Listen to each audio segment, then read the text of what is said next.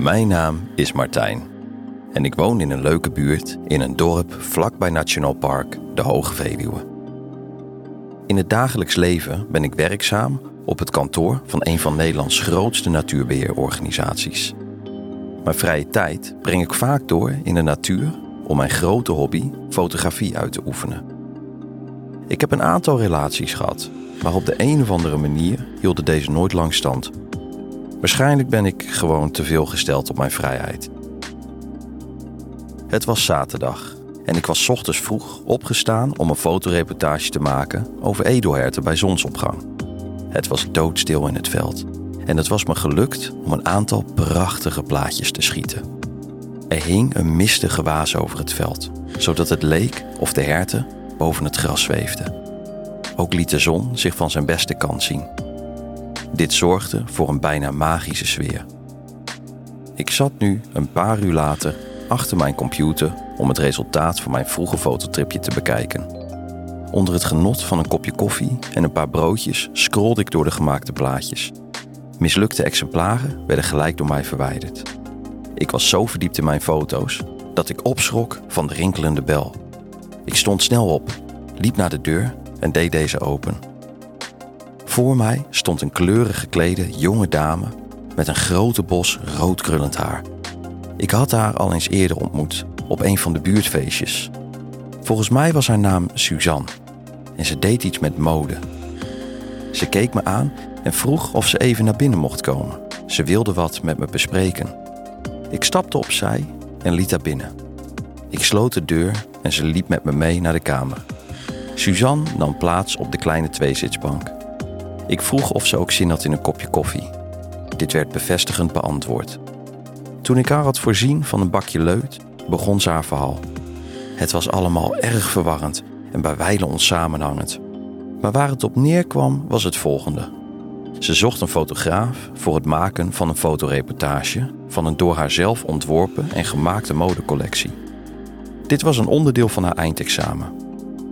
Haar vaste model had zich vandaag ziek gemeld en de reportage moest voor maandag ingeleverd worden. Ze had dus nog maar anderhalve dag.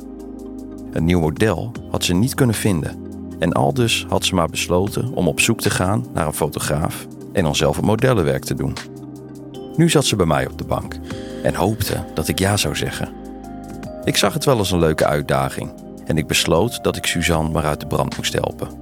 Wel nadat ze had toegezegd me de nodige aanwijzingen te geven.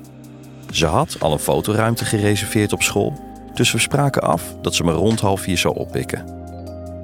Ik ging op zoek naar wat fotoapparatuur, een body, twee lenzen en een statief. Lampen en dergelijke waren aanwezig op de fotolocatie.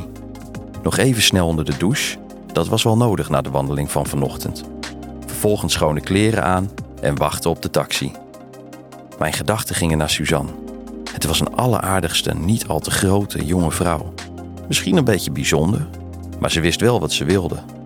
Ze had een lief gezicht met mooie grote ogen. Ze was niet gelijk het type waar ik op af zou stappen, maar ze had wel iets uitdagends. Het leek me leuk om samen met haar dit klusje op te knappen. Ik checkte nog even of ik alles had en wachtte op wat komen ging. Suzanne was mooi op tijd en we reden in haar kleine voortje naar de plaats van bestemming. Het was niet druk op de weg, zodat we binnen afzienbare tijd op de school arriveerden. Er stonden meer auto's op de parkeerplaats. We pakten alle spullen uit en liepen de school binnen, gelijk door naar de gereserveerde fotostudio. Het was een redelijk ruime studio, met aan de linkerkant een kleine kleedruimte. Er was een basisopstelling met een aantal hulpmiddelen, lampen en flitsparaplu's. Ik pakte mijn fototoestel, zette een lens op en klikte de camera op het statief. Ik had gekozen voor de 2405, een fijne lens voor portretfotografie. Suzanne rommelde wat in de kledingruimte met de meegebrachte kleding. Ze riep van achter het gordijn of we gelijk konden beginnen. Des te eerder was het klaar. Ik antwoordde dat het prima was. Ik plaatste even een paspop om het licht te testen en de opstelling eventueel aan te passen. Alles was, wat mij betreft, klaar. Suzanne verscheen in een hooggehakt bordeauxrood corset. Ze droeg zwarte panties die opgehouden werden door jarretels. Ik was even uit het veld geslagen door deze onverwachte verschijning. Ze zag mijn verbazing en gaf een verklaring voor deze uitdagende outfit. Suzanne had gekozen om een lingerielijn te maken met als thema burlesque. Ze lachte om mijn reactie. Het was geen straf om deze verleidelijke jonge vrouw te fotograferen. Ze zag eruit als een plaatje, met haar mooie billen en volle borsten. Het pakje zat er als gegoten. We hadden afgesproken van elk kledingstuk een vijftal foto's te maken in verschillende poses. Het licht was mooi, het model was super en de kleding was uitbundig en uitdagend. Het fotograferen liep dan ook als een trein. Naast fotograaf werd ik ook ingezet als dress assistant. Het los en vastmaken van haakjes en lintjes, het aangeven van kledingstukken en het bewonderen van mijn prachtige, soms poedelnaakte, roodharige model. De sensuele spanning tussen de model en fotograaf werd steeds voelbaarder. Het model nam steeds uitdagerende houdingen aan en de fotograaf werd steeds vrijpostiger. Na de laatste foto nam ik Suzanne in mijn armen en ik kuste haar op de volle lippen. Ze nestelde zich in mijn armen en beantwoordde mijn hartstochtelijke kus. Ze fluisterde in mijn oor dat we hier niet langer konden blijven en elders onze knuffelsessie moesten vervolgen. Met enige tegenzin liet ik haar los en begon mijn spullen bijeen te zoeken. Suzanne trok een badjas over het laatst gefotografeerde paarse pakje en stopte de rest van de kleding in een grote tas. Daarna vertrokken we met een volgepakte auto richting huis. Suzanne reed zo snel als het verkeer het toeliet naar haar appartement. We haalden de spullen uit de auto en gingen gauw naar binnen. Ze had een keurig aangeklede kamer met een mooie grote loungebank. De hartstocht was nog niet verdwenen. Ik nam haar wederom in mijn armen en begon haar te kussen. Onze tongen vonden elkaar in de kus en werd inniger en opwindender. Suzanne duwde me op de bank en ontdeed zich van haar badjas. Tergend langzaam voerde Suzanne een opwindende striptease op. Dit liet mij niet onberoerd en mijn piemel veroorzaakte een duidelijke bobbel in mijn joggingbroek. Het paarse corset lag al naast de bank en ze droeg alleen nog maar een kanten broekje, zwarte panties en een paarse jarretel. Ze kwam naar me toe en nam plaats op mijn schoot. Ze schoof met haar billen over mijn harde penis, drukte haar volle borsten tegen me aan en kuste me vol op de mond. Ik streelde haar rug en genoot van het moment. Ze ontdeed me van mijn shirt en kuste mijn borst. Traag zakte ze van mijn schoot en haar tong verkende mijn tepels, buik en navel. Ze haakte haar vinger achter mijn joggingbroek en trok deze naar beneden. Mijn boxershort volgde. Mijn penis toonde zich in volle wasdom en genoot van de daaropvolgende aandacht van mijn model voor een dag. Ze streelde hem van top tot teen en haar tong draaide een rondje over de gezwollen en gevoelige eikel. Haar mond nam het bezit van mijn geslachtsdeel. Traag bewoog ze haar mond op en neer en met haar tong bespeelde ze het toompje. Het was hemels. Zelden was ik zo opgewonden geweest. Ze verhoogde het tempo en zorgde dat ik me niet langer kon beheersen en mijn zaad de vrije loop liet. Ze verspeelde geen drup. Nadat ik weer een beetje bij zinnen was, trok ik haar naar me toe en ik kuste haar. Ik begon haar mooie borsten te strelen. Ik legde Suzanne op de bank en ontdeed haar van haar kanten slipje. Mijn mond kuste haar borsten en mijn tong draaide rondjes over haar rechtop staande tepels. Ik beet zachtjes in de gevoelige knopjes. Ze kreunde en trok aan mijn haar. Met mijn tong verkende ik de rest van haar borst en buik. Ik bewoog richting haar gladgeschoren schaamheuvel.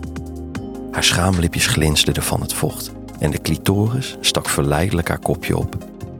Mijn tong bewoog van onder naar boven over haar vagina.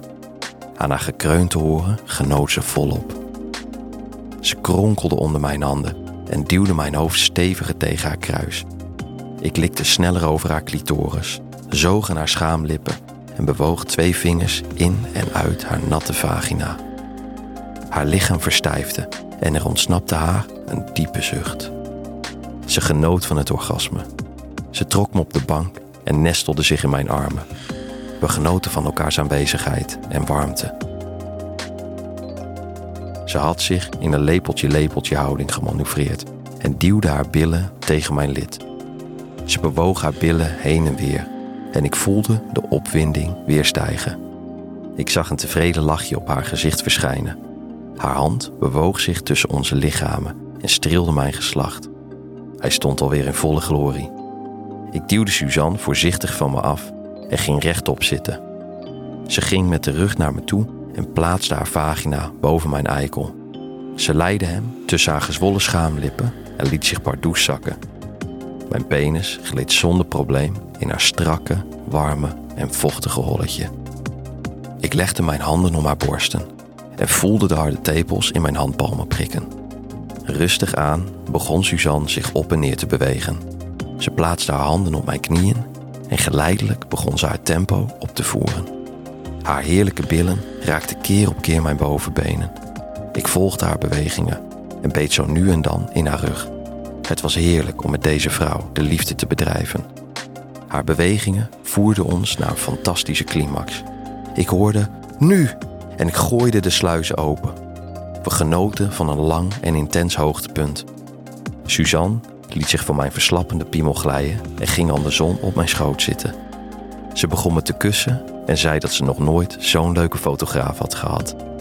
Mijn model voor een dag nam me mee naar haar slaapkamer, waar we na een zinprikkelende dag in elkaars armen in slaap vielen. De volgende morgen, na een uitgebreid ontbijt, hebben we de foto's geselecteerd voor haar eindexamen.